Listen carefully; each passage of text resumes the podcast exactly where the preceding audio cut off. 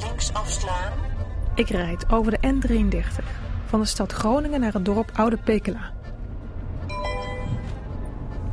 De gemeente Pekela met de dorpen Oude en Nieuwe Pekela is de minst plezierige plek van Nederland. Althans, volgens Elsevier, het blad met de lijstjes. Zoals ieder jaar heeft ook dit jaar het tijdschrift Elsevier weer onderzoek gedaan naar het woongenot in de gemeentes van Nederland. Onderaan is geëindigd Pekela. De Pekelaars, dat begrijpt u, zijn het daar natuurlijk niet mee eens. Ik ben hier heel gelukkig. Ik ben hier geboren en getogen, dus... eh, Ik vind het jammer. Ja.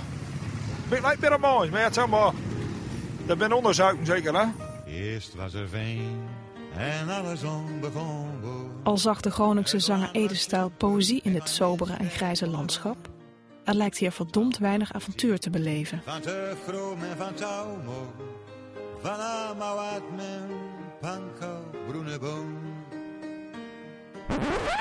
Maar vergis je niet. Dit is het land van de Amazone. Je hoort het goed, de Amazone, die enorme rivier in Brazilië. Dit oer-Hollandse landschap is in feite een exotische parel. Is dit nou dat zand waar we het over hebben? Ja, dit is dat zand waar we het over hebben. Spierwit. Vergeet het exotische zuidoosten van China. Hoge kwaliteit zand. Dat, dat soort zand, dat vind je heel weinig. Vergeten met palmbomen begroeide oevers van de Nijl of de pampas van Argentinië. Je vindt het dus nog wel veel in de tropen. Voor de subtropen moet je hier wezen, in Pekela. En, nou ja, ik, ik raak daar niet op uitgekeken. Dit is professor Bert Boekschoten. Hij gaat mij de exotische schoonheid van het Groningse achterland laten zien. Rechts afslaan. Wow, daar zijn ze. Op de weg tussen de dorpen Oude Pekela en Alteveer liggen hoge bergen spierwit zand. Je ziet ze al van ver liggen. Het is een wonderlijk maar vreemd gezicht.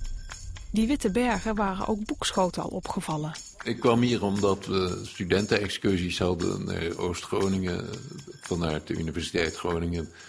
En dan rijd je hier langs en dan zie je hier die enorme hopen spierwit zand liggen. En daar verbaasde ik me over, over die spierwitte kleur. Het witte zand ligt op het terrein van de zandwinning van Marinus van der Velde. Ik ben directeur van deze zandwinning. In boomlange, breedgeschouderde Groninger van in de 60 met kleine lachende ogen. Dit was een heel oud bedrijf van vroeger. Dit bedrijf was al, die staat al op heel oude kaarten van 1900. De eerste boeren uit deze streek ontdekken bij het ploegen van het land dat er spierwit zand boven komt. Het zand is zo ongewoon fijn van structuur dat iedereen het wil hebben. Zo staat in oude documenten. Er staat ook wel in beschreven dat het zand dan via Rotterdam, via de schepen wegging naar Indonesië, naar Saudi-Arabië, naar Afrika. Het ging overal heen. Maar waar komt het zand vandaan?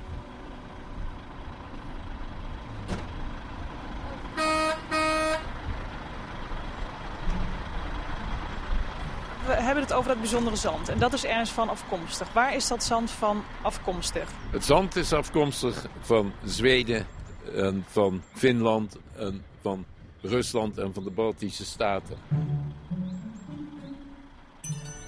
Hoe kwam dat hier dan? Dat kwam dus met die enorme rivier, die Eridanus-rivier. Die rivier, dat was een enorme rivier, de Amazone van Europa, wordt die wel genoemd. Het is bijna niet te bevatten, maar hier stroomde ooit een brede en machtige Amazone van 3000 kilometer lang. Die van iets van 5 miljoen jaar geleden tot iets van 1 miljoen jaar geleden stroomde van de Botnische golf en de Finse golf beneden door de Oostzeegebieden, door Denemarken heen naar de Noordzee toe.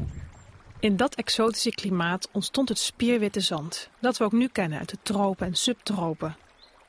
Bovenstrooms nam de Erythenos het fijne zand op en benedenstrooms zette de rivier het zand af, hier, in het noorden van Nederland dit is zo goed als de enige plek waar je afzettingen van die Eridanos-rivier, die een groot gedeelte van Nederland heeft opgebouwd... zo aan het oppervlak vindt, zonder vermenging met andere materialen.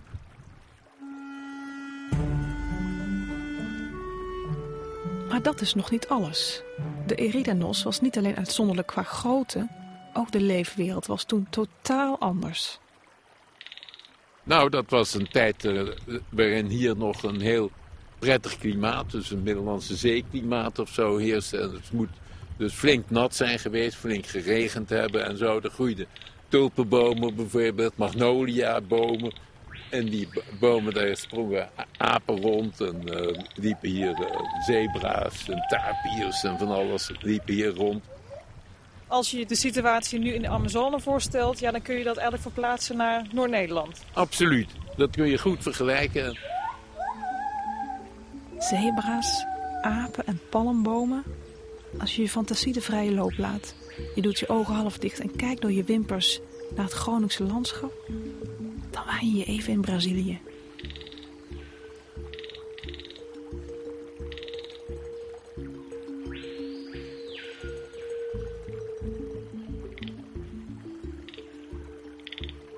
En als je dan elders in Nederland zou gaan graven, hoe diep dan ook, kom je dit zand dan ook niet meer Oh, tegen? ja, oh ja, ja, nou en of. Ja, maar dan ligt het dus heel diep. Kijk, eh, dan, dan, spreek je over 50, 100, 150 meter. En de Noordzee kan die nog wel dieper liggen. Maar ook de bodem van de Noordzee, daar zit dus dikke lage Rinenos-afzettingen onder. Maar hier ligt hij aan het oppervlakte. Hier ligt het in de oppervlakte en daarom is dit zo'n bijzondere plek. Had het kunnen komen dat vroeger dat door die zoutkoepels dat die door. die Nederland is het land van Maas, Rijn en Schelde.